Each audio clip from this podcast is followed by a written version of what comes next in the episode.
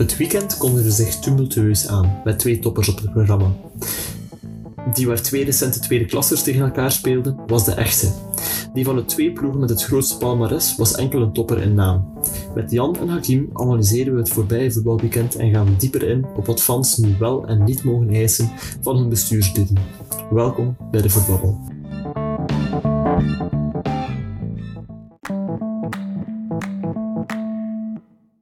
Goedenavond, goedenavond. We zijn hier vanavond met Hakim en Jan.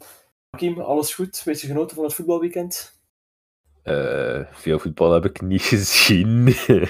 Standaard Je bent wel naar uh, Gent geweest. Ik, heb, uh, ja, ik was eigenlijk in Keulen en dan op de terugweg ehm, kreeg ik een telefoontje of ik naar de wedstrijd van Gent-Kortrijk wou gaan.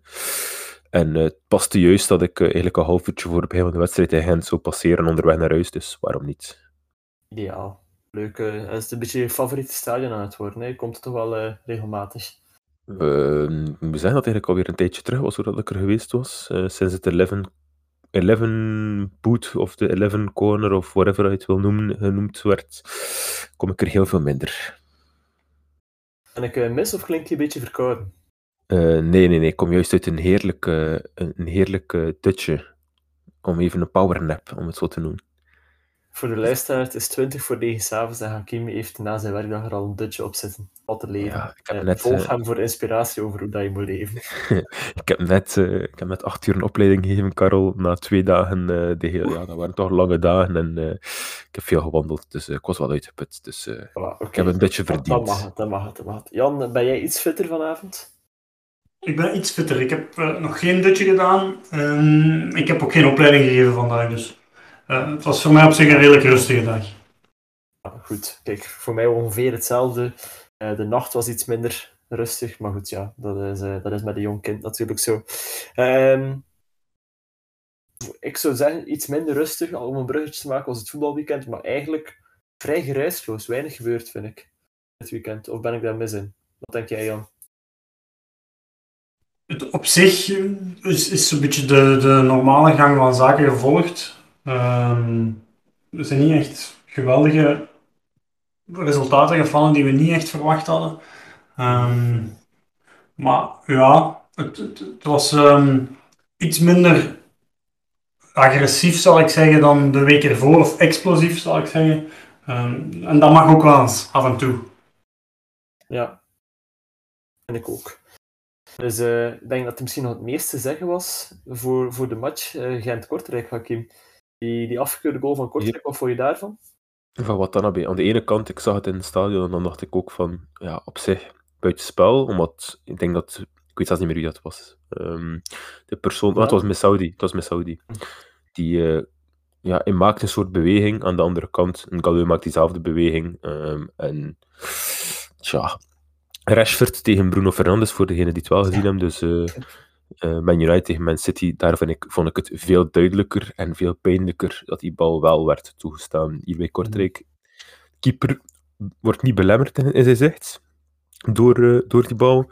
De verdediger ging er ook niet aan gekund hebben, dus de, de, de aanvaller kan er niet aan, maar aan de andere kant, hij, doet deel, hij neemt deel aan het spel. Dus ja, ik snap dat hij afgekeurd is, maar ik vind het een hele harde beslissing uiteindelijk. En dat is niet, niet omdat het ja. Kortrijk is, maar gewoon puur omdat eigenlijk ja, die twee man staan tegen elkaar en die, ja, ik vind, ik, vind het, ik vind het bizar. Maar goed, het is de regel, de regel is de regel. Het is bijna een wet in het voetbal. Hè? Als er een bepaalde beslissing die, ja, die, die vreemd wordt onthaald, uh, op een bepaalde manier valt, is binnen de week een soortgelijke situatie die op een volledig andere manier wordt beoordeeld door de arbiter. Net zoals vorige week met de, de niet gegeven rode kaart van Silla, die dan ja, dezelfde dag nog... Uh, ja, Le Point nu ook weer ja, dus, dus binnen volgende week gebeurt er een veel lichtere tackle en die wordt dan wel met rood bestraft. Dat, dat is dan de, de wetten van het, het voetbal. Het is eentje voor de winkel, maar bij Union was het zelfs binnen dezelfde helft, denk ik, dat ja, de ja, was totaal anders is, is, is, gek toch, hè? Ik bedoel, en dan ging uh, een vriend van de show, Siebe van der Rijden, ging te, ging te rust niet gehaald hebben dan. Allee, of, je kan alles een, uh, Hey, hoe heeft hij gezegd? Ja, hij was moe, denk ik. Hij wou ook een ditje doen in de 16 van de tegenstander. ik denk dat er comfortabelere plekjes zijn uh, om, om een dutje te doen. Maar bij die van Rashford vond ik het op zich, ik heb die fase verschillende keer teruggekeken en ik, ik kon het ergens wel begrijpen, omdat ik niet het gevoel had of Rashford daar nu stond of niet, dat die verdediger dan sneller aan de bal geweest was. Maar ze gaan totaal niet vrij uit die verdedigers. Dat was mijn probleem meer. Ja, Om- Omdat die man daar staat, is dat op een bepaald moment in hun hoofd ook van ja, het is zo duidelijk buitenspel, die weten dat Mhm. ook, dat het buitenspel is. Dus die hebben zoiets van ja, dat wordt toch afgekeurd. Maar die blijft dan van die bal de hele tijd, dus ga je ook minder de neiging hebben om een tackle in te zetten. Maar Of hij een blijft slide. van de bal, maar hij maakt wel een beweging, toch? Hij, hij loopt mee met de bal. Dat is Hij alsof- loopt mee. Ja, ja, maar Ja, dat is dat een beweging naar de bal, toch? als hij gewoon ja recht- wel. ja. als hij gewoon rechtdoor blijft lopen, geen probleem, maar hij loopt schuin mee met de bal richting Voilà. Bruno Fernandes en op dat Dus moment gaat hij los. Dus op zich maakt hij een beweging de bal, is offside. en blijkbaar is dat niet meer, is dat niet meer eh, geldig En als je niet ik- aan de bal komt. Ik vond die van Messaoudi dan veel minder, want de Mhm. verdediger kon daar ook zeker niet aan. Maar het ding is, is hij heeft wel niet die bal... Allee, ook al zo... Ik, ik kan er niet aan, punt. Ik kan er helemaal niet aan. Rashford kan op elk moment die bal aanraken. Elke seconde is de mogelijkheid dat Rashford hem tikt. Ja, Dus ik vind, ik vind het twee verschillende... Ja, dat is waar, ja. Eigen 16 Ja. zou springen hebben. Ik zou ze niet willen tegenkrijgen in elk geval. Nee, nee, dat zeker Ja, niet. Dat. Wat dachten jullie Ja. van, eh, van die goal, van, of tenminste Watanabe? Was het eh buitenspel? Moet hij gegeven worden? Ik zou, hem, ik zou hem toestaan, omdat er- voor mij, als ik het zag, was er echt niet zoveel beweging naar die bal toe. Dat is voor mij nog altijd in mijn hoofd het morele, allee, het morele oordeel dat ik vel. Als je een beweging maakt die echt naar de bal is, die een verdediger kan beïnvloeden. Maar het is niet dat, dat Ngadeu, of wie dat de verdediger ook was, niet zou dezelfde actie gemaakt hebben als Messaoudi daar niet stond. Of die beweging niet deed. Dus hij heeft de verdediger niet beïnvloed, heeft de keeper niet beïnvloed. Ja, voor mij mocht hij doorgaan. Ja, ik denk ook niet dat ik hem had afgesloten eigenlijk. Ja. Goed, Goed, ja. maar- eh, Het, Om, om, was... om even terug te komen op, eh, op die van Le Point, dit- dat begrijp ik nog altijd niet. Ik heb alle respect voor, het was counter op counter, denk ik. Dus ik kan snappen dat je als scheidsrechter al een hele inspanning aan het doen bent en dat je dan misschien net niet goed ziet hoe die voet belandt op de enkel van Shanak, dat kan ik nog snappen. Maar dat je daar als vaar met drie man naar aan het kijken bent, het een minuut stilligt en dan nog beslist van niet in te grijpen, pff, ik heb er geen flauw idee van wat, wat die mensen dan denken, maar dat, dat kan toch niet. Die jongen die ze... Dat, dat is toch, toch schandalig. En ik had zelfs de indruk dat Pen, want die heeft zich verschillende keren geëxcuseerd na die fase, dat hij zelf schrok dat hij mocht staan blijven. Ja, maar dat hij zelf, dat was duidelijk. Le, point op zich. Die mag ook heel dankbaar zijn dat erop staat, want ik denk, dit vijf keer, of ja, 50 keer, heb 49 keer een rode kaart aan je broek. Ja, dat zou 50 moeten zijn, maar ik, ik, zeg- ik zeg het, ik begrijp niet waarom, niet. wat dat ze dan aanhalen, of welke technische parameters die, die de Bleker er vorige week dan aanhaalden, waarom dat ze niet zouden mogen ingrijpen, ik snap het niet meer. hoor. ja, maar die, die parameters is ook toch gewoon... Allee, dat is een beetje... niet, maar je kan ook zeggen van, er staan parameters op en dan zitten we safe. Maar dan moet je nu zeggen als Frank de Blekeren, die parameters waren niet juist, we gaan die aanpassen vanaf volgend weekend. Zetten, zetten we die, die lijn terug en gaan we, gaan we daarmee verder. Dat kan ik ergens nog snappen. Ja. Maar je kan niet zeggen, ja de parameters waren niet juist. We vonden eigenlijk van wel, maar, maar de parameters waren niet juist, dus het moet eigenlijk niet. Dat kan gewoon niet. Ik denk dat het ligt ook aan de, aan de arbiter. Hè. Allee, om nu voor de bijkant, Bram van Driessen was de scheidsrechter. Er is niemand in eerste klasse die minder rode kaarten per wedstrijd geeft dan Bram van Driessen. Dus Ik Ja. vraag me af, Karel, ik weet niet, he- heeft dat dat, ook dat een invloed, niet goed. Hm? Ja? heeft dat een invloed ook, heeft het een invloed op waar we spelen? In welk stadion?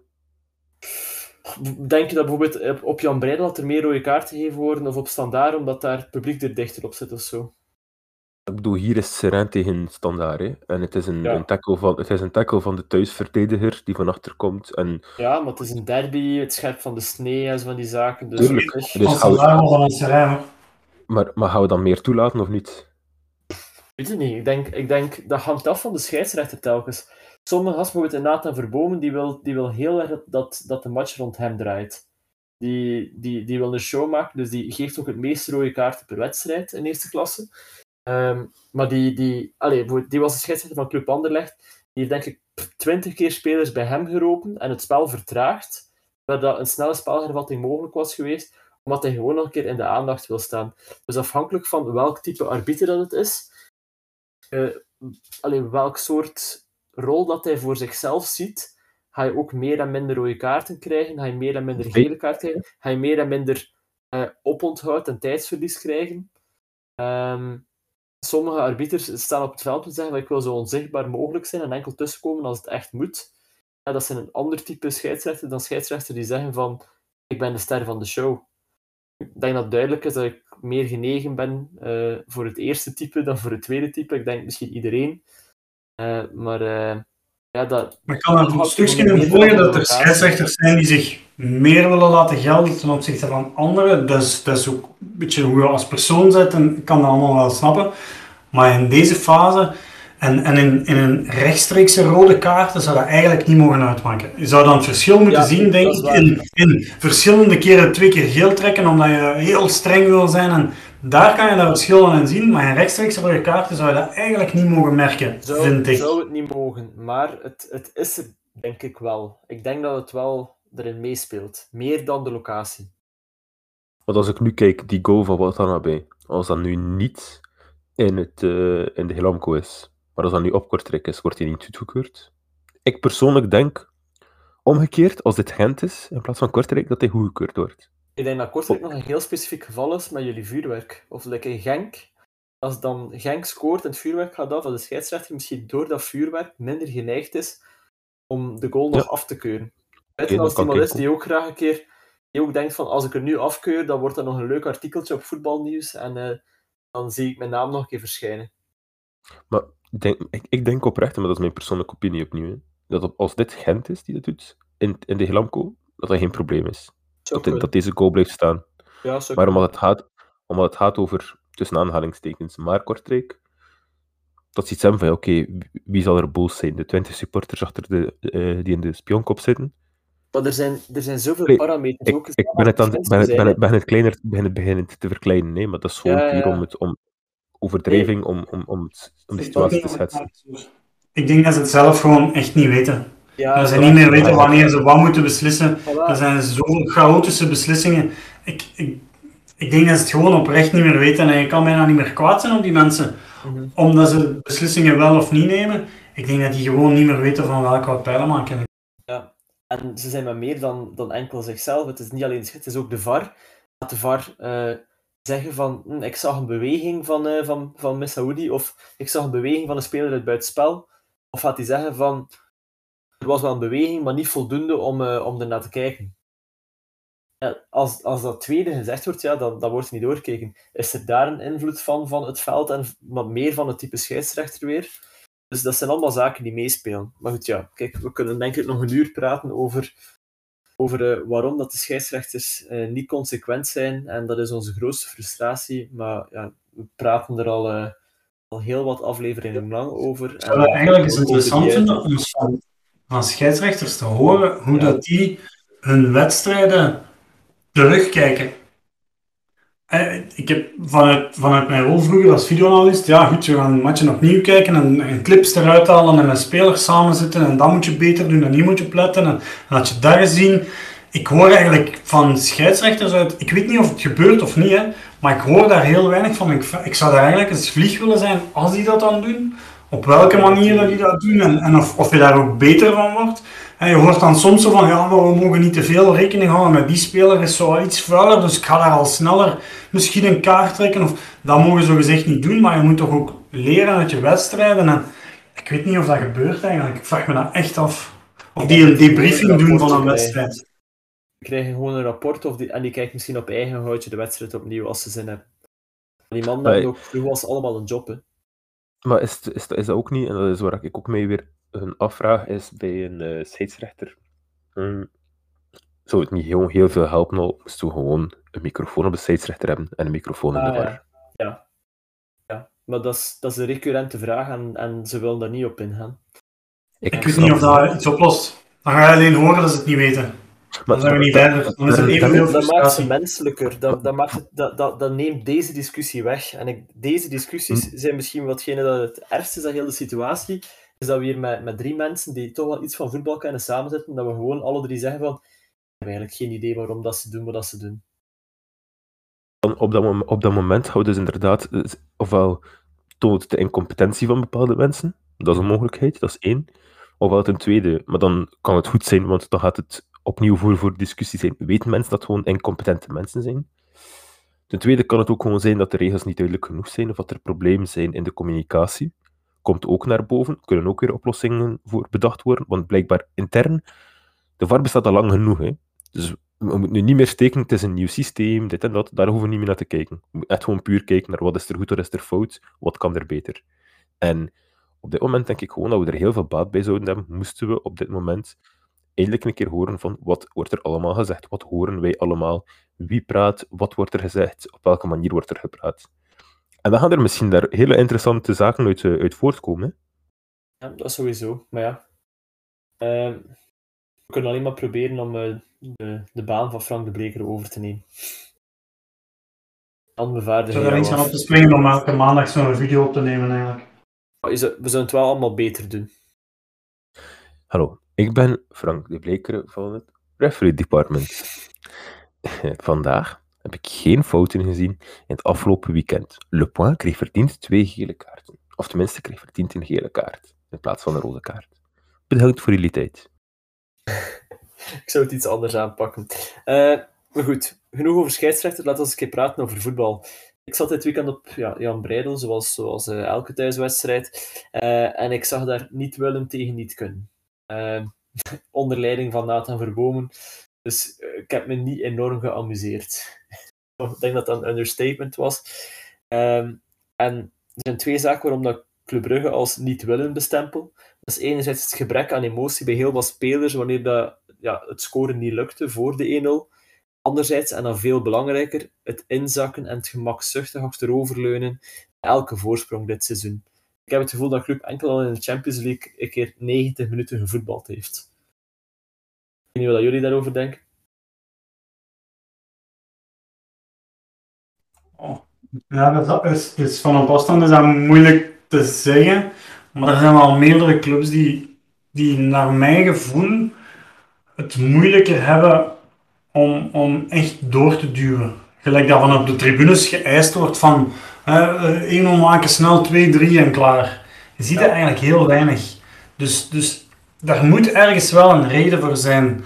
En, en niet elke ploeg is gemakzuchtig. Union heeft het ook eigenlijk tegen Antwerp n- niet laten hangen, ga ik niet zeggen, maar wel de bal aan Antwerp gelaten. En dat had ook Dat heel anders kunnen aflopen. Hè?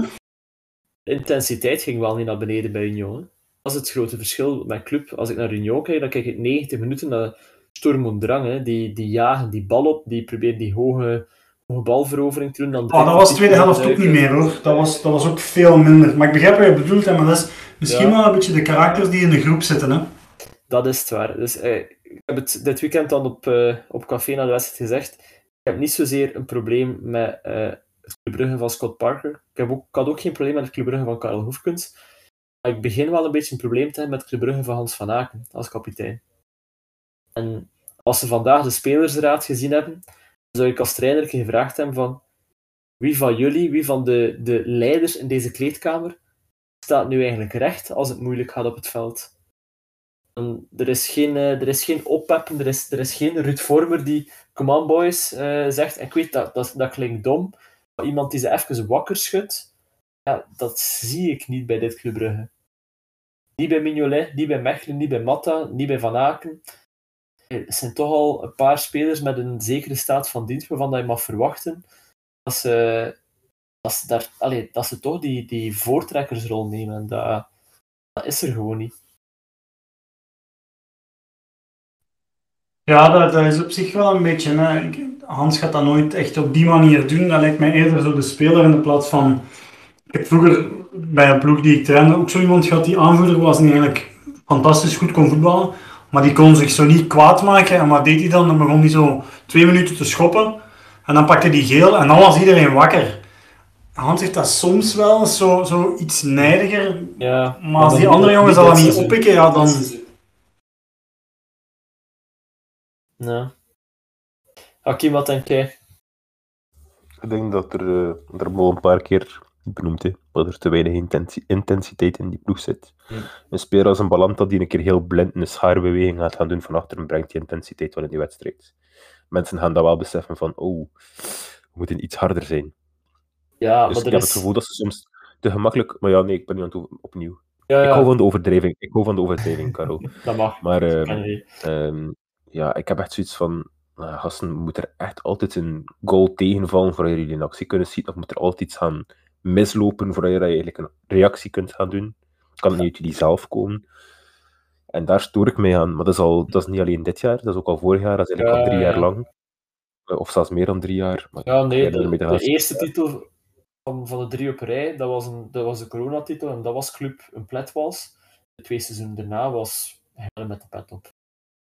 Voilà. En het, het probleem is, als je blijft winnen, ook al eh, moet je niet alles geven, dan ga je minder, ja, dan ga je minder geven. Dat is gewoon hoe de mens werkt. Eh, Hmm. we kunnen daar ook niet aan onderuit. Zo, zo zitten mensen in elkaar. En ja, eh, je merkt dat bij alles, eh, niet alleen maar bij ehm, club, maar in andere clubs ook. En zelfs in andere sporten. Het moment dat alles van een leien dakje loopt en dat alles maar gemakkelijk is, ja, dan zijn de person to beat. En op het moment dat jullie de, de people to beat zijn, kun je twee dingen doen. Ofwel laat je ze inderdaad verslaan, ofwel zeg je nee, we gaan dubbel zo hard werken. Maar er is bijna niemand die dubbel zo hard gaat werken. Iedereen laat zich dan maar ja, een keer ingeloren. Maar goed, ja, Ja, ja. dat zijn... Dat is, dat, dat is nu alweer heel vergaand om gewoon te zeggen dat ik vind dat er gewoon te weinig in- intensiteit en te weinig zin ook gewoon is. Ik heb het gevoel, als ik, als ik clubs zie spelen, is het precies of niemand heeft zin om op dat veld te staan. Dat, heb ik gevoel, dat gevoel heb ik ook.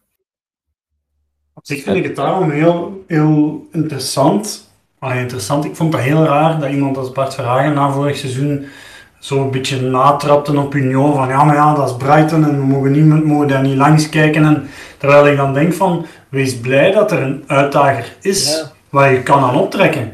En, en geef die de credits die die verdient en zorg dat door wat zij goed doen, dat je eigen mensen beter motiveert. Dat is toch een godsgeschenk. Ik denk dat de mensen die in Bayern München zitten het veel moeilijker hebben om elk jaar opnieuw die titel te pakken en terug de beste te zijn. En, en ten opzichte van, van, van allee ja, zij kunnen echt wel de beste spelers halen, die ook alle mentaliteit en intensiteit kunnen brengen die nodig is. Maar dat kan als Club Brugge niet. Hè. Je hebt het plafond niet, iedereen komt in België voetballen, je mag zoveel geld hebben als je wil. Dus je moet die worthy enemy, je moet die wel naar waarde schatten, vind ik, en gebruiken. club zit nu ook op recruteringsvlak in een heel moeilijke positie. Want de spelers die, die een meerwaarde kunnen betekenen, zijn grotendeels onhaalbaar, zitten al op een hoger niveau. Eh, dus, dus je moet ze ja, een directe meerwaarde halen, nu in de winter bijvoorbeeld. Is verschrikkelijk moeilijk. Je gaat al inderdaad ja, Remchuk moet je gaan halen. Dus allee, ze hebben heel vaak zo spelers die in België gespeeld hebben, of spelers die in België goed waren, nu de laatste jaren als grote transfers gehaald. En dan geluk gehad met de meer onbekende, de Silas, de ze binnenhalen. Dat, dat zijn degenen die werken. Meijer. Maar, eh, maar echt zo nu een nieuwe, nieuwe kapstok bijhalen voor je ploeg, dat is nog een ander verhaal. Dat is echt geen gemakkelijke. Dus dat... dat- ja. Een klein beetje de manier waarop de scouting tegenwoordig gebeurt, is, is, is heel veel op basis van, van potentieel. En een oudere speler die wordt eigenlijk al bijna niet meer gehaald. En als je 26 bent, is al kantje boordje. Want terwijl je eigenlijk wel, wel ook mentaliteit moet kunnen kopen. En wedstrijdmentaliteit en intensiteit. Ik ben er heel zeker van, de Thomas die in 1B bij Union speelde, die had eigenlijk niemand in België gehaald omdat dat niet meer het profiel is waar we nog iets kunnen aan verdienen. En, en, terwijl dat wel de, de spelers zijn die je er wel tussen moet hebben om, om die jongens die wel potentieel hebben om geld te, op te leveren, om die het niveau hoger te brengen en een, en een schop onder een gat te geven als dat nodig is. Ik vind dat er te gemakkelijk naar. Vroeger mocht, mocht je halen wie je wou en dat was allemaal goed. Ik vind dat er te gemakkelijk nu de andere kant op gegaan en ze mogen niet meer te oud zijn, want het evenwicht is een beetje zoek. Nu, er worden wel, met, met, met een Remchuk, die is, in, die, die prime age. eh, Nielsen is ook in, in die leeftijdscategorie. Dus er worden wel jongens gehaald die, die net iets ouder zijn, maar inderdaad, er wordt voornamelijk bij Genk ook, ja, er wordt gekocht voor met een meerwaarde te verkopen, omdat dat het enige rendabele model is voor een ploeg op dit niveau. Hè.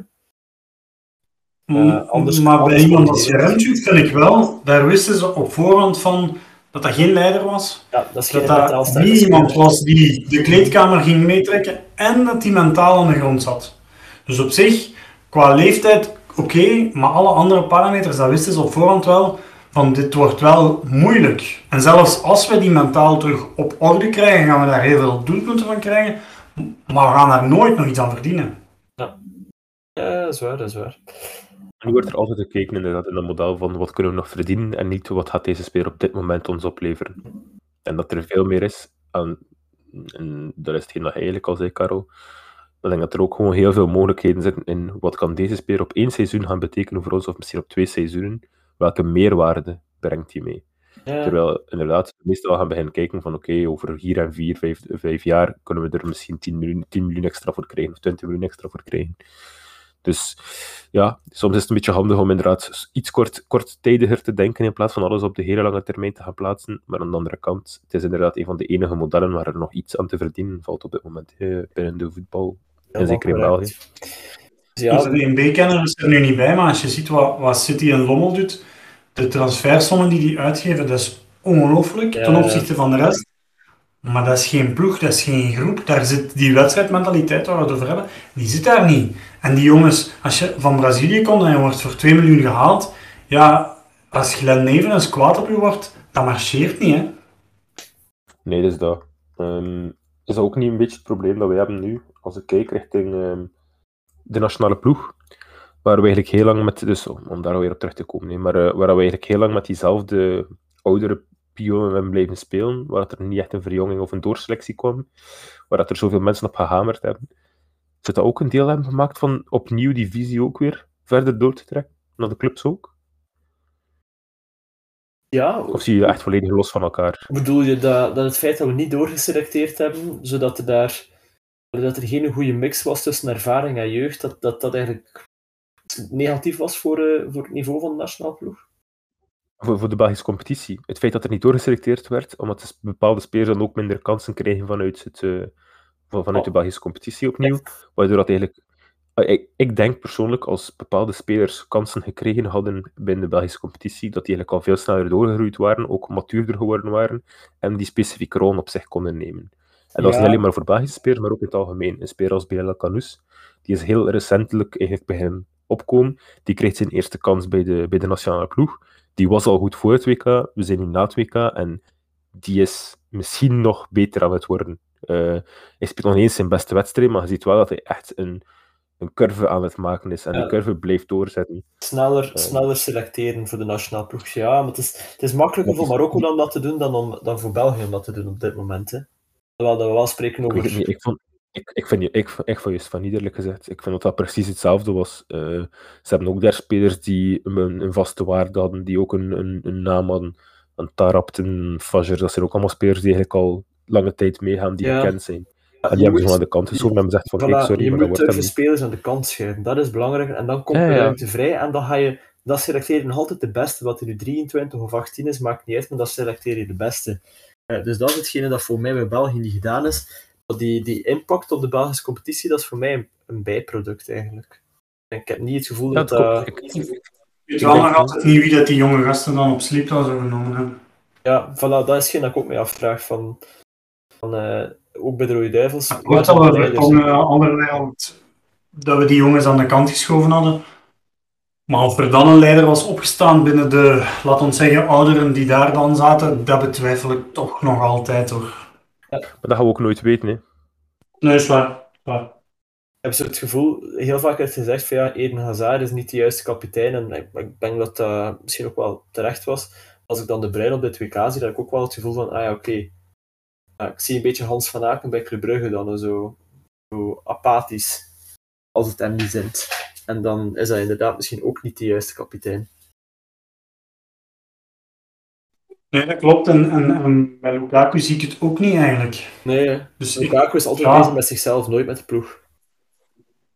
ja, dat weet ik niet. Ik denk dat hij, dat te veel gefocust is op, op dat hij te graag wil en dat dat eigenlijk zo Ja, Hij Ja, moet... ook niet ideaal. Dus ik denk als je als aanvoerder bent of als leider bent, dat je evenwicht moet kunnen houden. En dat je soms moet slaan en soms moet salven. En ik denk dat dat evenwicht bij hem nog niet echt zit. En, en als doelman vind ik dat ook heel moeilijk. Ik denk dat Courtois die kwaliteiten op zich wel heeft, maar... Wordt niet, wordt niet genoeg gerespecteerd in de ploeg ook, denk ik, Courtois. Ja, ik vrees daar ook een beetje voor. Dat de, wat hij allemaal heeft uitgestoken in zijn leven en naar bepaalde ploegmaats toe, uh, dat, allee, dat, dat gaat ook rond in de groep. Hè. Je kunt een eikel zijn. Ik weet niet dat effectief iets mee te maken heeft, maar... Oh ja. Ja, je traint wel vaker apart en een doelman... Je, kunt een, allee, je krijgt een stempel. Hè. Je hebt ook, allee, we hebben ook allemaal je hebt, hebt ook allemaal gewerkt, gewerkt voor, met mensen samen, je hebt collega's en ja, na, na een tijdje geven die mensen een stempel en als die stempel is van leiderschapskwaliteiten of geen leiderschapskwaliteiten, of ik heb respect voor die persoon, of uh, ik werk met hem samen, maar ik ga er daarna geen, geen pint mee gaan drinken. Um, dat, zijn, dat zijn ook bepaalde kwaliteiten om te zien wie, dat, wie dat je een leider kan maken in de groep een leider in een groep moet, met iedereen kunnen, moet iedereen kunnen meetrekken. Ja, dat is waar, maar ik denk dat dat ook vooral intrinsiek iets is wat je hebt of wat je niet hebt. Ja, ja je moet het hebben, maar uh, als je... Allee, dat gedrag van Courtois uh, je zou kunnen bestempelen als binnen de categorie redelijk egoïstisch. Uh, lijkt mij niet echt kloppen als je gaat gaan vergelijken met is dat iemand die dan eventueel leiderschapskwaliteiten heeft leiders zijn meestal geen, geen egoïsten. Dan de titel van het, uh, van het, het boek pakken, Leaders Eat Last. Ja, dat, dat is ook echt wel zo. De leider zorgt dat de rest kan, kan slagen. En is bezig met de rest en dan pas met zichzelf. Ik denk niet ja, dat wat dat is. ook een beetje wat bedoel. Als doelman zit je altijd een beetje in een kokonnetje. Ja, voilà. Trainen apart, aparte keepers, trainen aparte oefeningen. Het is toch altijd zo'n beetje het stukje apart. En ik ja. Daarmee, eh, ik zou ook nooit een, een doelman kapitein maken. Buiten een heel uitzonderlijke situaties kun je dat doen. Maar, uh, ja, iemand als Schmeichel die kwam wat aan de middenlijn om nu het vol te ja, voilà. of, of een Neuer, dat kun je kapitein maken. Een Buffon, dat zijn, allee, maar dat zijn mensen met een waanzinnige, waanzinnige charisma. Die kunnen van een Maar kan er tegen? uh, ja, platte dweil. Uh,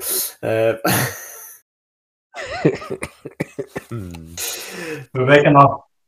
Ja, goed. Uh, het net over El Canoes. Uh, stond dit weekend niet in de basis, als ik, uh, als ik me niet vergis, bij Genk. Nee, uh, Genk de laatste drie matchen. Mag ik spreken over, over een, een klein dipje? Vormdip ja, puntendip nee. Voilà, dus dat ik bedoel. En mag ik wel spreken over, dat, is, dat zijn de, de, de weken waarin dat je je kampioenschap verzilvert? Inderdaad. Dat is gewoon, hè? Dat is precies wat ik erover denk. Ja, als je slecht speelt, dan pak je nog steeds punten. Je verdient eigenlijk om het verliezen tegen Zulte Waregem. Mm. Goed, ze verliezen tegen Kortrijk. Daar laten ze wel drie punten liggen. Ja. Maar, maar je, kan, je kan dus drie punten laten liggen over een heel seizoen. Dus voilà. hey, ze hebben dat drie luiken gedaan. Ze hebben één match verloren en de twee gewonnen. En ze zijn weer uitgelopen op de concurrentie. Voilà, en ze hebben drie slechte wedstrijden gespeeld. Ja. Dus op zich, ik denk dat dat uh, inderdaad, dat is hoe dat je kampioen wordt. Voilà. Oké. Okay beter nu dan in de playoffs. Ja, gewoon een gevaarlijke naam. Het is, het is morgen, denk ik, op Westerlo en dan in het weekend, heb ik gelezen. Het is iets heel onaantrekkelijk. Dus inderdaad, op Westerlo en dan Eupen. Ja. Op Westerlo en dan... wel twee heel gevaarlijke wedstrijden natuurlijk. Oh ja, Eupen. Ja. Als je daaruit ja, maar dat blijft gevaarlijk. Hè. Club is daar ook aan verliezen. Hè. Dus ja, de club kan overal verliezen. De club kan met al twee trainers verder ondertussen. En dan thuis Serrain. Dan heb ik nog een keer thuis. Ja. Dus op zich zou het ah. ook gewoon... Het zou heel goed kunnen zijn dat Genk nu weer met een 9 op 9 Ja, voilà. Ik denk, ik denk dat, dat, dat er nog maar één ploeg is die Genk iets kan maken, dat is Union.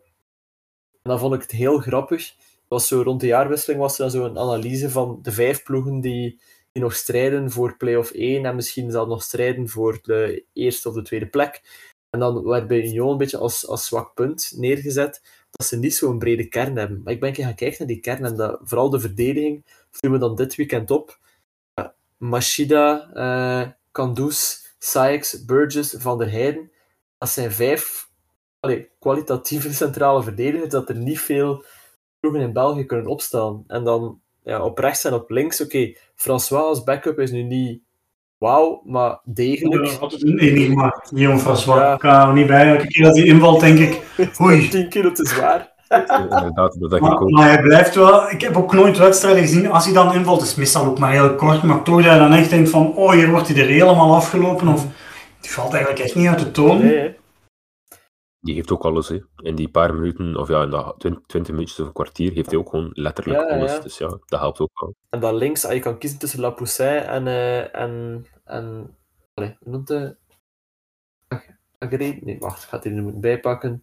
Eh, Adingra. Dat zijn, Adingra. dat zijn twee fantastische flankspelers. Het middenveld is, is zalig met, met Alazouzi en Puerta zo nog achter, dat is ook goed. En dan een Lazare, Lazare, ja, Lazare, Lien en Thuma. Ik denk dat Thuma de enige speler is bij Union dat je zegt van als die uitvalt, dan gaan ze echt zien.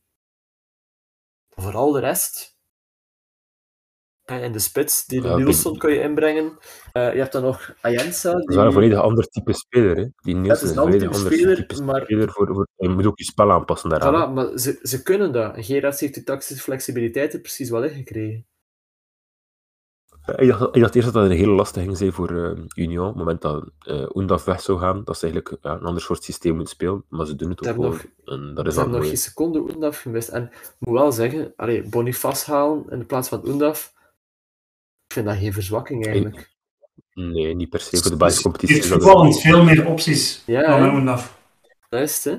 Maar, nee, maar, maar af, als we kijken naar pure afwerking, is hij wel minder dan Oendaf. Maar goed, Ja. eh, je moet natuurlijk iets geven voor iets terug te voilà. Oendaf kon letterlijk uit elke kans iets scoren. Bij Boniface heb ik dan net iets minder, maar hij is zeker niet slecht. hè. En hij had denk ik wel de echte sitters, de, de goals dat hij echt niet mag missen, heb ik hem nog niet zien missen, als ik me niet vergis. Nee, nee. En hij heeft ook wel een keer een paar 1 op keer... 1 die eh, mist hij toch ook niet hoor. Sorry? Zo'n 1 op 1 met de doelman, ik weet niet welke wedstrijd dat was. In, in de beker denk ik dat hij 1 op 1 kwam, dan legt hij toch weer lekker weg. Mist niet veel. Nee, het is dat. Maar het- ik had zo bij Oendaf ook het idee, zelfs als er vier verdedigers rondstaan, kon hij toch bij het kantje voet eh, een bal verste kruising intrappen. Dat zie ik Boniface niet doen. Nee, dat is- ja, ja. eh, Ze hebben Dat al twee dat kwaliteiten, dan- maar ze zijn aan elkaar gewaagd. ja. Maar ik vind, allee, Het is dat ook wel. ik zou durven zeggen, ja, Union heeft zeker een bredere kern dan Genk. Naar mijn aanvoelen ook een bredere, ja, zeker een bredere kern dan Anderlecht. Breder dan Gent zou ik ook zeker durven zeggen. Zeker met gene Ja, wat er is bij Gent. groot probleem, hè. Die zijn iedereen aan het verkopen dat, eh, dat ze kunnen verkopen. Maar ze hebben ook gewoon problemen nu met, het, eh, met, eh, met de spelers. Nu was het ook weer al Ojija, dacht ik, die eraf ging, geblesseerd. Ja, maar ja, als je is, gemiddelde kunnen ze leeftijd misschien- 48 jaar is van je basis af, dan kan dat wel een keer gebeuren. En dan, de centrale verdedigers hebben ze letterlijk niemand meer die nu kan invallen. Ze zitten op hun, ze zitten op hun tandvlees qua centrale verdedigers, er kan niemand meer bij. Samazen is ook uitgevallen. Voilà, Samaas ook. Dus allee, het zit meer en meer, begin, begin ik te zien dat er eh, ja, toch spelers meer problemen beginnen te krijgen binnen Gent ook gewoon puur op het, ehm, zeg je dat, eh, op het, ehm, op het fysieke, aspect, het fysieke aspect van het voetbal, dat ze het niet meer aan kunnen. Of ja, als ze nu last hebben tenminste, ik moet niet zeggen aan kunnen, dat is zeker niet. Ja, en er komen drukke weken. Maar eh, ja, en inderdaad, ze beginnen nog spelers te verkopen ook, dus ik weet het niet. Zo. Het is ook allemaal weer financieren is gegeven. Ook mensen hè. van moeten, denk ik. Hè. Er zijn heel veel clubs die met die met eh, aanpassingen in de licenties eh, toch wel wat worstelen. Hè. Je, moet, je moet ergens iets van je. Van je Wat was het? Ja, je moest ergens 20% goed maken op je verliezen of zoiets ten opzichte van het vorige ja. jaar. Ik weet het niet meer, het was iets rond de 20%. En je Maar maar zijn- 60% dat moet je van je omzet aan lonen besteden. Eh, ja, dat is, dat is nog een andere, denk ik. Want je moest ergens iets 20% goed maken ten opzichte van het vorige jaar. Ik weet het niet meer juist hoe het juist staat. Maar ploegen gelijk, gelijk Sint-Truiden, die, die Alakila en Burnley moeten verkopen, ja, dan, dan is dat ineens opgelost. Hè. En, en ja, je verliest dan een speler, ja, dat klopt. Ja, en dat is heel jammer, maar als je gered bent, ja, Ja, voilà. kun je niet verwachten eh, van dat soort ploegen. eh, En, en Gent heeft ook niet echt de, de zak met goud nog ergens liggen om bij te duwen. Die tijd is voorbij. hè. Kunnen we het hebben over Gent, die eh, in totaal vorig jaar 20 spelers verkocht heeft, of 20 spelers heeft laten vertrekken Ja, of transfer, zonder club, want een, Boyo was daar ook, of transfervrij. En 18 nieuwe spelers heeft binnengehaald. Vorig jaar, hè? Ja, dat, heel veel deals, er zijn heel veel, eh, er zijn heel veel makelaarsfees. hè. En dat is, dat is allee, 19 spelers vertrekken, 18 binnenkomen, of tenminste 20 spelers vertrekken, 18 binnenkomen, om dan een team draaiende te houden. Nu zijn ze weer bezig met heel veel eruit te halen, maar dat doen we allemaal. En to be, Okumu. to be honest, van die allee, 19 spelers eh, vertrekken, de 18 spelers binnenhouden. Maar het geraamte van de ploeg is nog altijd Engadeu, Kums, Ojija, de Poitre. Voilà. Maar dat is, dat is het grootste Dus probleem. Als je De, kijkt naar de de vertrokken waren, probleemposities pak je dan gewoon niet aan. de, de Bruin is vertrokken, een Bayo is vertrokken, Torunariga, um, Hij is vertrokken en Boyo, teruggekomen. ja, is ondertussen alweer terug. Uh, Botaka, uh, Arslanazic, um, Chakvetatse, maar die is ook alweer terug, dacht ik, en dan weer meer ja, die vertrokken. is uitgeleend en opnieuw uitgeleend. Bukari, Pozemans, uh, wie hebben we hier nog? Ja, natuurlijk. Het is, allemaal, het is eigenlijk gewoon elk jaar doen ze hun ballast weg en halen ze nieuwe ballast binnen. Dat lijkt mij niet het gezondste. Ja, het is- het is- het gezondste Oh, ik vind ze niet allemaal. Ik denk niet dat we. Kuipers is geen ballast, maar die is een hele goede versterking ten opzichte van wat ze hadden. Halen af en toe wat binnen. Mm, moesten ze eigenlijk wel pakken, want anders hadden ze achterin echt wel een probleem. Ja, Remchuk was ook, was ook een goede verkoop. Ja, Ik bedoel, ja, ja. 17 miljoen krijgen van, van Benfica, die man moet weg. En nu zit hij terug bij Gent, dan- stonden ze nu niet op de vijfde plek met het eh, financiële, allee, met het financiële beleid dat ze maar kunnen voeren. Hè. We hebben het ook wel gezegd toen, hè. maar als je inderdaad uh, Ilom Bemboyo, Julien Dessart binnenhaalt, Julien Dessart, een, uiteindelijk een uite- uitstekende transfer Ja, ja. geweest voor hen. hè. Transfervrij overgenomen van Kortrijk. Ik bedoel, ik denk dat er weinig mensen geklaagd hebben over Dessart. Dat is- eh, was een Lijkt mij. missing link eh, in, de, allee, in de eerste helft van het seizoen. Hè. De, de jongere, de jongere versie, Belonge die kunst niet meer heeft. Hè. Ja, ja, ja. juist zeggen, de jongere versie van Kunst, die zelfs nog wat langer is en nog iets fysieker eh, sterker is, want de basis iets minder natuurlijk. Maar goed, dat terzijde. Eh maar zulke, zaken, zulke, zulke heren die erbij gekomen zijn, hebben wel, ja, Lemaic heeft ook een belangrijke rol gespeeld sinds dat hij, sinds dat hij toegekomen is. hè. ja. Eh, ook, dat was ook maar 900.000. Dat zijn constant spelers. De duurste speler was ook toen, voor 3,5 miljoen. Maar de duurste uitgaande was wel Jaremchuk voor 17 miljoen en Niklas Dorsch voor 7 miljoen. Mhm, ja terecht. Ja. Wou. hè. Zullen we het eens hebben over, eh, over Anderlecht, die, die, die ja, een niet. loonschaal naar 57 miljoen krijgt en die niet. dan nu 4 miljoen uitgeeft voor een nieuwe flankspeler te halen, terwijl dat ze eigenlijk ja, op zwart zaad zitten. Ik begrijp dat ook niet. Ik kan daar niet bij. En- Als je dan in de media die verhalen leest, dat eh, als ze een pasta mee naar huis willen, dat ze die moeten betalen. En, en... Dat zijn allemaal anekdotes, ik weet dat wel, hè, maar Ja, maar uiteindelijk is dat toch heel raar allemaal. Tuurlijk. En Bout, ik snap niet, die zijn al drie jaar aan het zeggen dat ze hun loon, eh, ze de salarissen naar beneden moeten doen. En het gaat alleen maar naar boven. Ze zijn al drie jaar aan het zeggen dat ze geen geld hebben om spelers aan te kopen. En ze hebben dit seizoen, denk ik al voor 14 of 15 miljoen euro spelers aangekocht. En er is niet echt iets Ik heb vertrokken. hier voor mij staan.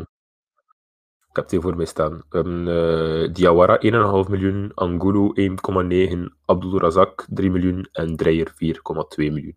Mm, Een schoon hoopje toch, hè? En dan heb je nog Fabio Silva, Esposito, daar is er allee, Ja. niets Nou ja, want dan weet je niet hoeveel er Ja. voor betaald is. Ja, voilà, dan weet je niet hoeveel het is. En dan de andere waren nog wel eh, ja, niet, niet belangrijk genoeg, ofwel transfervrij waarschijnlijk gaat dat zijn. Vertongen. Maar dan zit je ongeveer aan een 10 miljoen aan inkomende spelers. En uit uitgaande was natuurlijk wel Sergio Gomez 13 miljoen, Cullen 3 miljoen, Kobout 3 miljoen Oké, en Even wel Vlak 3 heel duidelijk maken, er is no way dat Kobout voor 3 miljoen euro naar Parma is gegaan. No way. Dat is wel... Maar ik weet dat niet, hij heeft daar wel heel veel matchen gespeeld hoor, met, met, met bonussen en zo kan dat wel Parma, Parma die 3 denk miljoen ik. betaalt na, na degradatie voor Kobout te halen. Nee, sorry, maar. Ik Ik, ik, heb, ik heb daar op zich geen idee van. Maar, maar het, het, die transfersommen is één, maar het is vooral het loon dat het probleem is. Ja, dat is het Ja, probleem, ja. inderdaad. Dat is het, hè. Een contract te geven van vier jaar voor iemand die je voor 4 miljoen haalt, ja goed, die, die komt niet voor een half miljoen per jaar. Hè. En ze hebben al zoveel van die spelers en die moeten dan nu allemaal weg. Ah, Sorry, maar dat, dat wist je op voorhand. Hè. Als Ja, het verhaal van Kronbergen, dat vind ik, geweldig triest. Ik, ik dat een hele, gast heeft dan, heeft komt dan- over in elk geval als een hele goede gast. In, in, in, eh, in play-off 1 gehouden. Vier jaar op rij heeft hij inderdaad. Ja, Europees ook erin gehouden. hè. ja, ja. Dus weinig respect. En dat die dan, ik vind dat, ja, ik, ik had daar echt compassie mee. En het toont ook, vind ik dan, wat voor een goede gast dat dat is, dat hij daar op die manier ook op reageert. En dat hij geen boel maakt en gewoon uitlegt van, kijk jongens, ze hebben mij gezegd, ik moet hier weg. We gaan daar, ik kan hier ook gewoon blijven zitten, maar ik heb daar geen zin in. We gaan een oplossing zoeken. Zij gelukkig, ik gelukkig en door. Die, Ja, ik knap dat je dat kan. ja, zeker. Wat, wat denken jullie? Waar, waar, eh, waar is de volgende bestemming? Ja, PSV. Maar dat wordt ook niet moeilijk, hè? interesse zeker. Ik Ja, had over Van Kroonbrugge. Ja, ja, PSV had interesse in de zomer, dacht ik. Ik, eh, ik, ik denk eh, Burnley. was een Burnley. doelman? Ah, Nee, Ajax heeft vast Burnley. Burnley heeft, eh, heeft toch die, die Engelse nationaal doelman en zitten. Nee, nee, nee, nee, nee. Pope is weg naar Newcastle.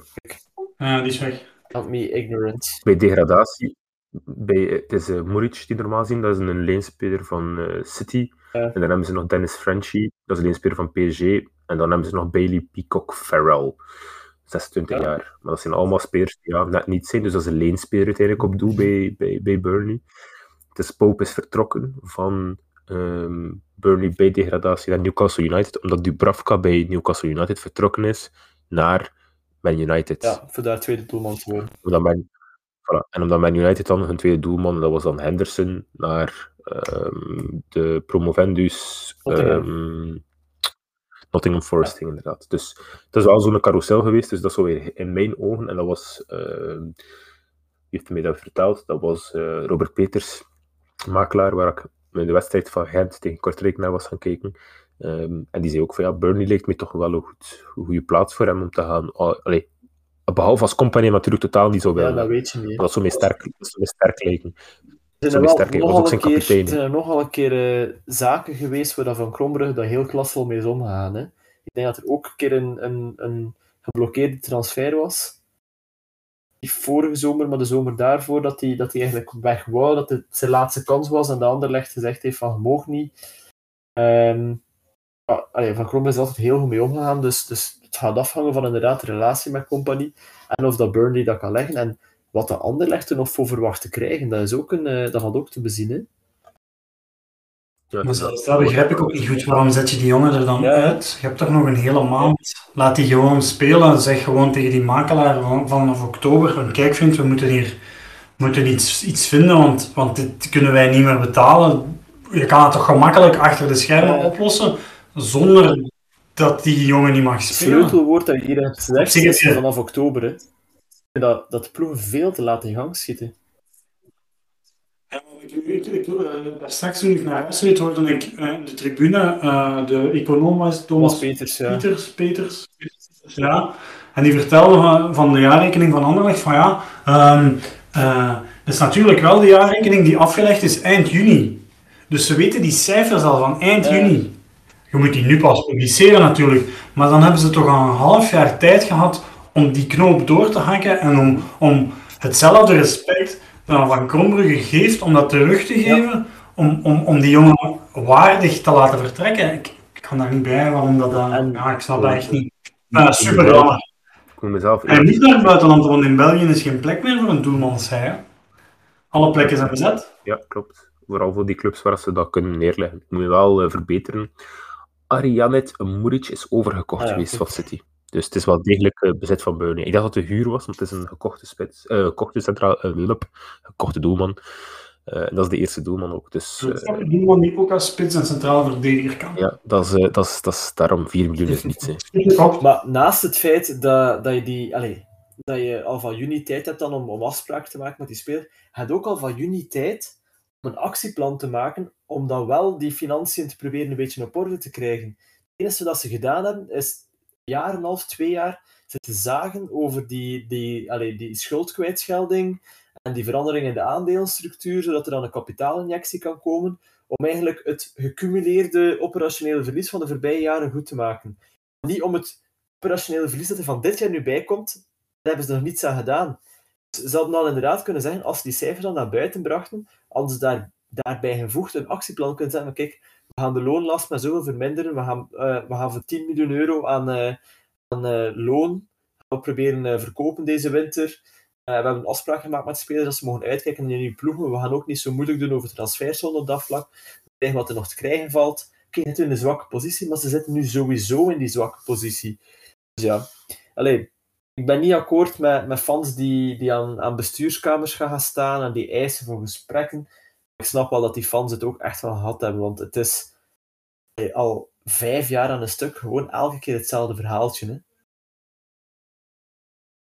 Dus nu gaat, Ja, nu gaat die dingen Ja, en, en uiteindelijk, wat ik het dan het ergste vind bij Anderlecht zijn, eh, dat, dat alles nog verder afbrokkelt ten opzichte van ze waren, die mensen hebben totaal geen perspectief dat het terug goed komt. Hè? Helemaal niks. Als, als je nu zegt de Anderlecht de volgende tien jaar, eh, de volgende tien jaar, de volgende drie, vier jaar eh, niet meer in play-off 1 gaat ga zitten, dan is er niemand die zegt van oeh, dat is toch wel een gewaagde voorspelling. Nee, dat is de logica zelf. Coach van Anderlecht eh, op 11 in zijn interview gaf nogthans aan eh, dat het volgend jaar toch echt niet kan dat Anderlecht niet in play-off 1 gaat spelen. En Ik dacht, dat is spelers? Ja, ik, ik, ik- ja, ik was verrast. Ik dacht, maar dit komt sowieso terug in uw gezicht. Ja, hè, vriend. tuurlijk. Dat, nee. Zo'n uitspraken zijn gewaagd. Ik hou er wel van als mensen zo'n uitspraken doen, want dat zijn degenen die geklipt worden en die uiteindelijk inderdaad terug kat- katapulteren in je gezicht. Ik, ik vond het heel bizar. Ik, ik- ofwel hebben ze dat echt twee dagen nadat hij getekend had afgenomen, dat interview.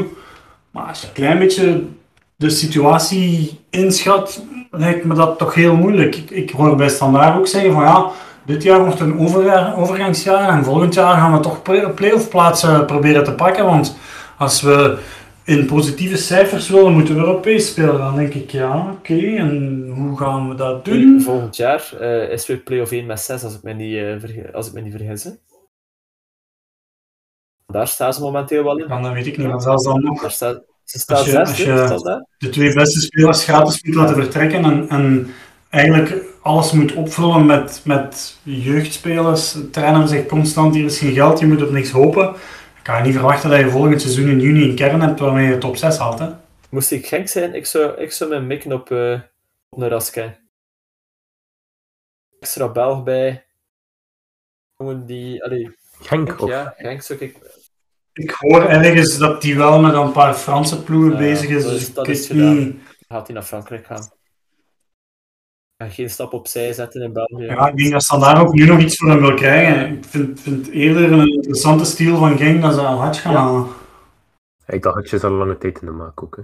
Die zit er al lang aan te komen. 4,2. Ja, ik vind dat wel een 4,5 stijl. miljoen. 1,2 miljoen? Ik, ik had 2 miljoen gelezen. Eh, Ja, ik heb ook twee gelezen. Ik dacht dat het richting de 4 ging.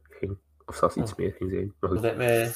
hangt er ook allemaal van Dat lijkt me wel heel veel voor iemand die eigenlijk bij de belofte gezet wordt. Eh, eh, Je mag wel niet twee jaar vergeten. geen goede Ja, match Hatjes wel. Nee, maar hij heeft ook gewoon al twee jaar niet echt de kans gekregen om een goede Ja, wedstrijd te spelen. Ben ik, als ik Dat de keuze van de club, hè? Dat is inderdaad... als club zelf voor. Ja, ja, ja, tuurlijk, tuurlijk, tuurlijk. Maar dan heb ik wel zoiets van El Canus in ehm eh, s- well ja, hoog, ho, El wordt eh, gescout door Ajax. Ajax wil hem graag hebben. En daar is er eh, blijkbaar al eh, allee, aardig wat over verteld geweest, intern. Van wat ik begrepen heb in ieder geval. En dan, eh, ja, wie zou je dan daar plaatsen in de plaats? Die Castro is niet, is niet, is, is niet veel beter dan Eitel Hutchinson. Of totaal niet beter dan Eitel Hutchinson. Ja, maar ik denk niet dat de bedoeling is dat een Hatch op 10 gaat komen. Hoor. Ik denk dat hij eerder zo'n beetje van de kant gaat komen. Oké, maar dan gaan, dan gaan ze wel op dat moment lup, Mike Tresor centraal weer proberen te trekken, denk ik. Jawel. In plaats van op de flank Ik te vind laten niet dat spelen. El Hadj de oplossing is voor Dus- de zou van kunnen. El Dat Hadj. zou kunnen. Ik weet, de bedoeling was eigenlijk, als ik het goed begrepen heb, begin van het seizoen, dat, dat Castro eigenlijk nummer 1 was op die positie. Dus ik Ja. denk wel, als daar nog wel iets voor verwacht, ik denk ook dat ze daar 6 miljoen voor betaald hebben. Goed, veel geld betalen betekent niet altijd dat er, dat er geslagen transfer is. Hè. Meestal de duurste die, die het hardste floppen. Hem niet zomaar aan de kant zetten aan een half jaar, denk ik. Zeker niet als hij rechtstreeks... Ik denk dat hij niet eerder in Europa gespeeld heeft. Ik denk dat hij rechtstreeks vanuit Zuid-Amerika kwam. Ik denk dat je dan iets langer... Ja, dat dat iets langer tijd aan geeft. Zeker bij zo'n bedragen. Dus ja, ik weet het niet.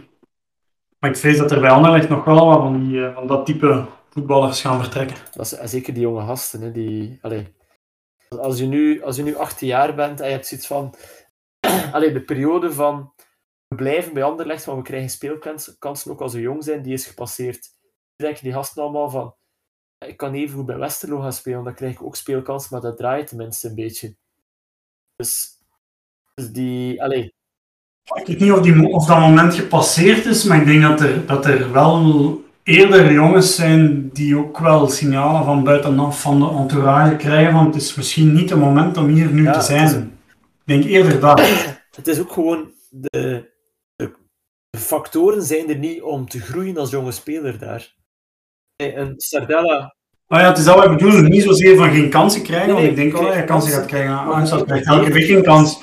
Maar in die omgeving kan je niet groeien. Hè. Nee, dat is waar. Oké, Sardella is 20, Kana is 20, Arnstad is 19, ehm Scharen is er 21, El Hadj is er 20, eh Amuzu is er 23, Truikens is er, ja, die is er nog 18, dan kun je nog zeggen van oké, wacht even. Maar Van die zes spelers kun je zeggen dat er, dat er iemand echt beter geworden is in de laatste twee jaar? Nee. Niet echt, hè? Het Nee. zijn Maar ja, goed. allemaal gasten die eigenlijk Nee. die, die een, een, allee, een opgang en een, misschien hun belangrijkste jaren zijn een beetje kwijtgeraakt door bij Anderlecht te spelen. En dat ze wel speelkans krijgen. Maar doordat zo'n wespennest dat er zo slecht gaat, blijven ze allemaal ter plaatse trippelen. Dan zien ze hun, hun plafond ook verlagen. Ik vind dat dat bij Verscharen heel erg opvalt. Ook al speelt hij elke week. Want als je die bij Nationaal Ploeg gaat spelen, dan... Oké, het is meespelen in een betere ploeg en dat is iets gemakkelijker. Ik weet dat wel, maar... Dan zie je toch wel wat potentieel dat zo iemand heeft. En, en bij anderen is dat echt... Ik, ik vind dat droevig om te zien. Is, ja, het was verscharen tegen Lang eh, vaak gisteren. En ja, dat was, Lang was wat dat verscharen wil zijn. Ja, ja. De, Dan, dan Ja. draait de club ook nog niet eens goed. Hè? Maar, maar eh, één... Nee, nee, is waar. Dus ja, van Verscharen, dat, er, er gaat er niets van uit. Ook, ook voor mij is dat apathie. Je die spelen en heb je zoiets van, ah, ja, oké. Of, Ik denk dat. Het is moeilijk om te zeggen, maar ik denk, denk dat, dat dat niet te onderschatten is. En dat zal, dat zal bij club ook wel zijn. Hè. Maar om, om als jeugdspeler door te groeien in de A-kern en vroeg je kans te krijgen. En dan zelf te voelen van...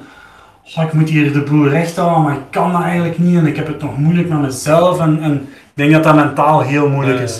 dat is waar. Ja, dat is gewoon een ding, die, die mogen inderdaad de ploeg niet moeten rechthouden. Ik zeg nu ook bijvoorbeeld bij club, eh het draait er nu niet. Zet er, zet er één, misschien twee jeugdspelers in. Niet, niet dat ze, niet dat ze moeten, moeten de ploeg recht houden, maar zeg van, amuseer er maar, toon maar een keer wat je kan. En eh ga nooit verantwoordelijk gehouden worden, je gaat op handen gedragen worden door het publiek. Maar moet dat wel, allee, na, na drie maanden moet het dat wel beter zijn. Niet, niet van die jonge gasten, maar moet de ploeg er rond beter zijn. Zo, in de tijd hebben ze dat gedaan, hebben ze Verscharen dan erin gegooid als jonge gasten. Dat was, iedereen was daar zot van. Hè? Oh ja, en die, die speelt met goesting en die speelt onbezorgd. Dat de rest van die ploeg een beetje verkrampt is. Ja, dat is goed, dat is een paar maanden goed. En dan moet, moet de rest van die ploeg mee zijn, of anders begint dat een, een last te worden voor die jonge gasten. En dat merk je heel hard bij de jonge spelers van Anderlecht. Dat is een beetje wat we aan het begin van het seizoen ook even zagen met Duran Villen en consorten, hè, die het goed doen met, met de ploeg in 1B en dan overkomen en, en dan door sommige mensen in de media gezegd wordt van ja, en, en eh, het is omdat ze te veel met die jongens bezig zijn en dat ze, dat, ze moeten die met rust laten en ze moeten die gewoon hun ding laten doen. Heeft daar niks mee te maken, het is gelijk je zegt. Dat is op enthousiasme is dat een aantal weken en als die in die kleedkamer zitten en elke dag voelen van wat is dat hier eigenlijk, dan, is, dan neemt dat enthousiasme af.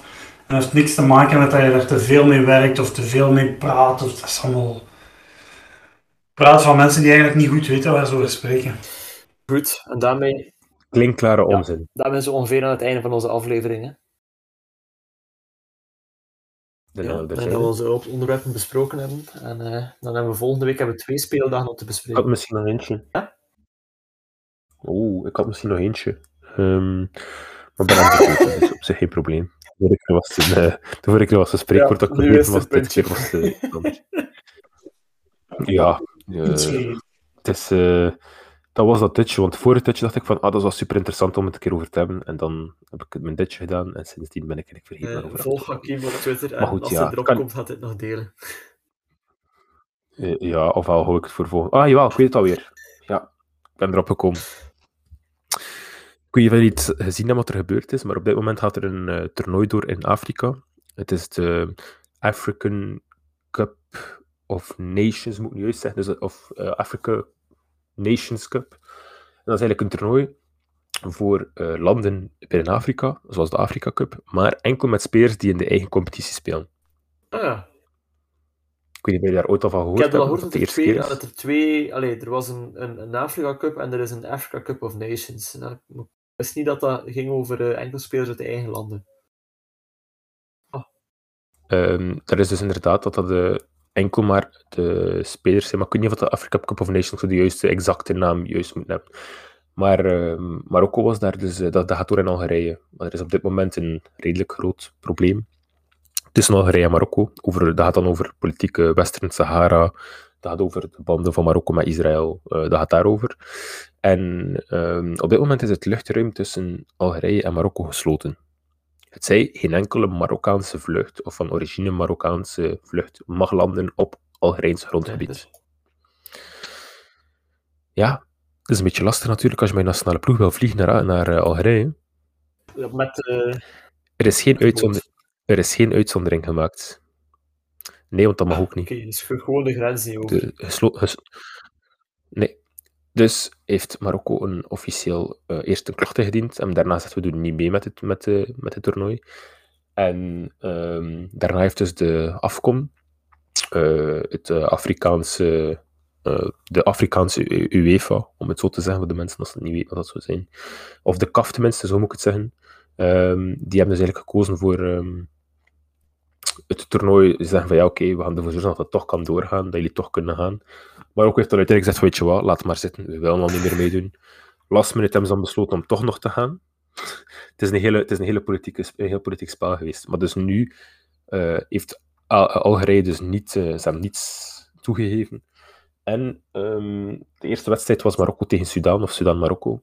En is Sudan alleen op het veld gekomen. Geen Marokkaanse ploeg daar gezien.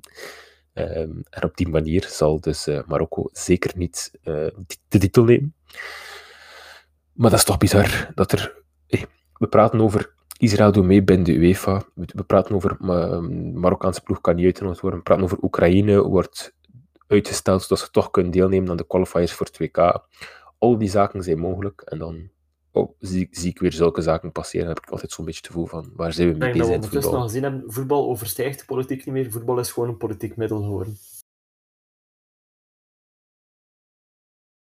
Is dat niet altijd al een beetje ja, geweest? Ja, maar allee, we, vroeger kwamen we samen en dat was het belangrijker dan de politiek en stond er niets in de weg. Het voetbal.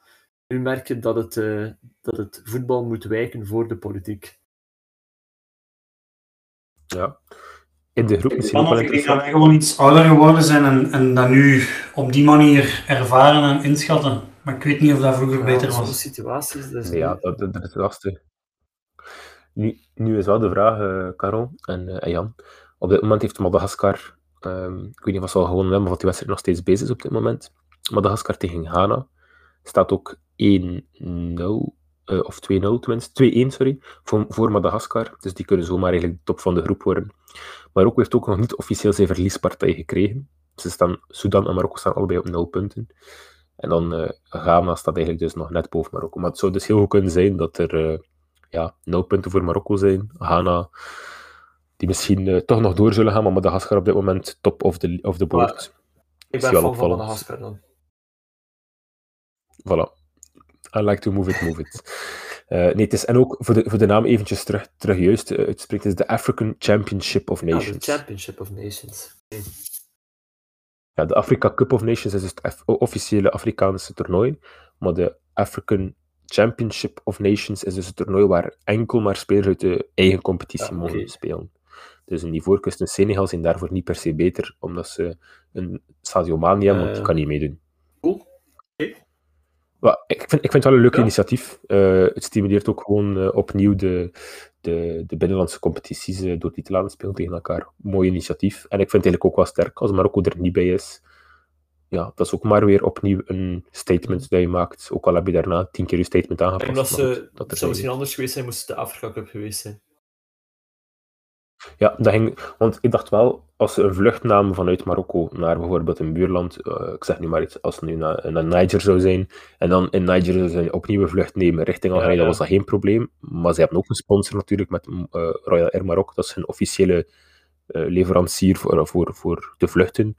Ehm, zoals als bij de Belgen Brussels Airlines dan, dacht ik. Hè. Uh, dan hebben ze zo'n speciaal vliegtuig. Ja, ja oké, maar dan mag het niet, want het is een Marokkaans vliegtuig. Dus dan mag het ook niet op grondgebied van, van een Rijland. Dus dan blijf je in, die, in, die, in datzelfde ja, verhaaltje doordraaien. Ja, okay. Politiek neemt dus inderdaad wel goed.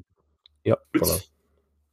Je zei daarnet dus, even iets over een tof nieuw initiatief. En ik dacht daar ineens aan, dat dat op zich niet voorbereid. Heeft iemand iets gezien van die Kings League? Gerard ja, Piqué? Ja, ja, ja, ja, dat is super tof om te zien. Het deed me zo wat denken aan toen ik vroeger klein was, speelde uh, in, de, in de winterbreak ook indoor zo'n toernooi op zand, denk ik dat dat was. Ook 5 tegen 5, denk ik, met eerste klasse ploegen. En dat was eigenlijk super cool om te zien. Was, was het er hier speciaal aan? Uh, het, het leuke was dat het eigenlijk meer ook ging om een onbekende persoon. Dus het is een be hele bekende voetballer blijkbaar, maar die dus met een masker op meespeelt in die league uh, van Piqué. Dus er komen daar wel wat voetballers op af.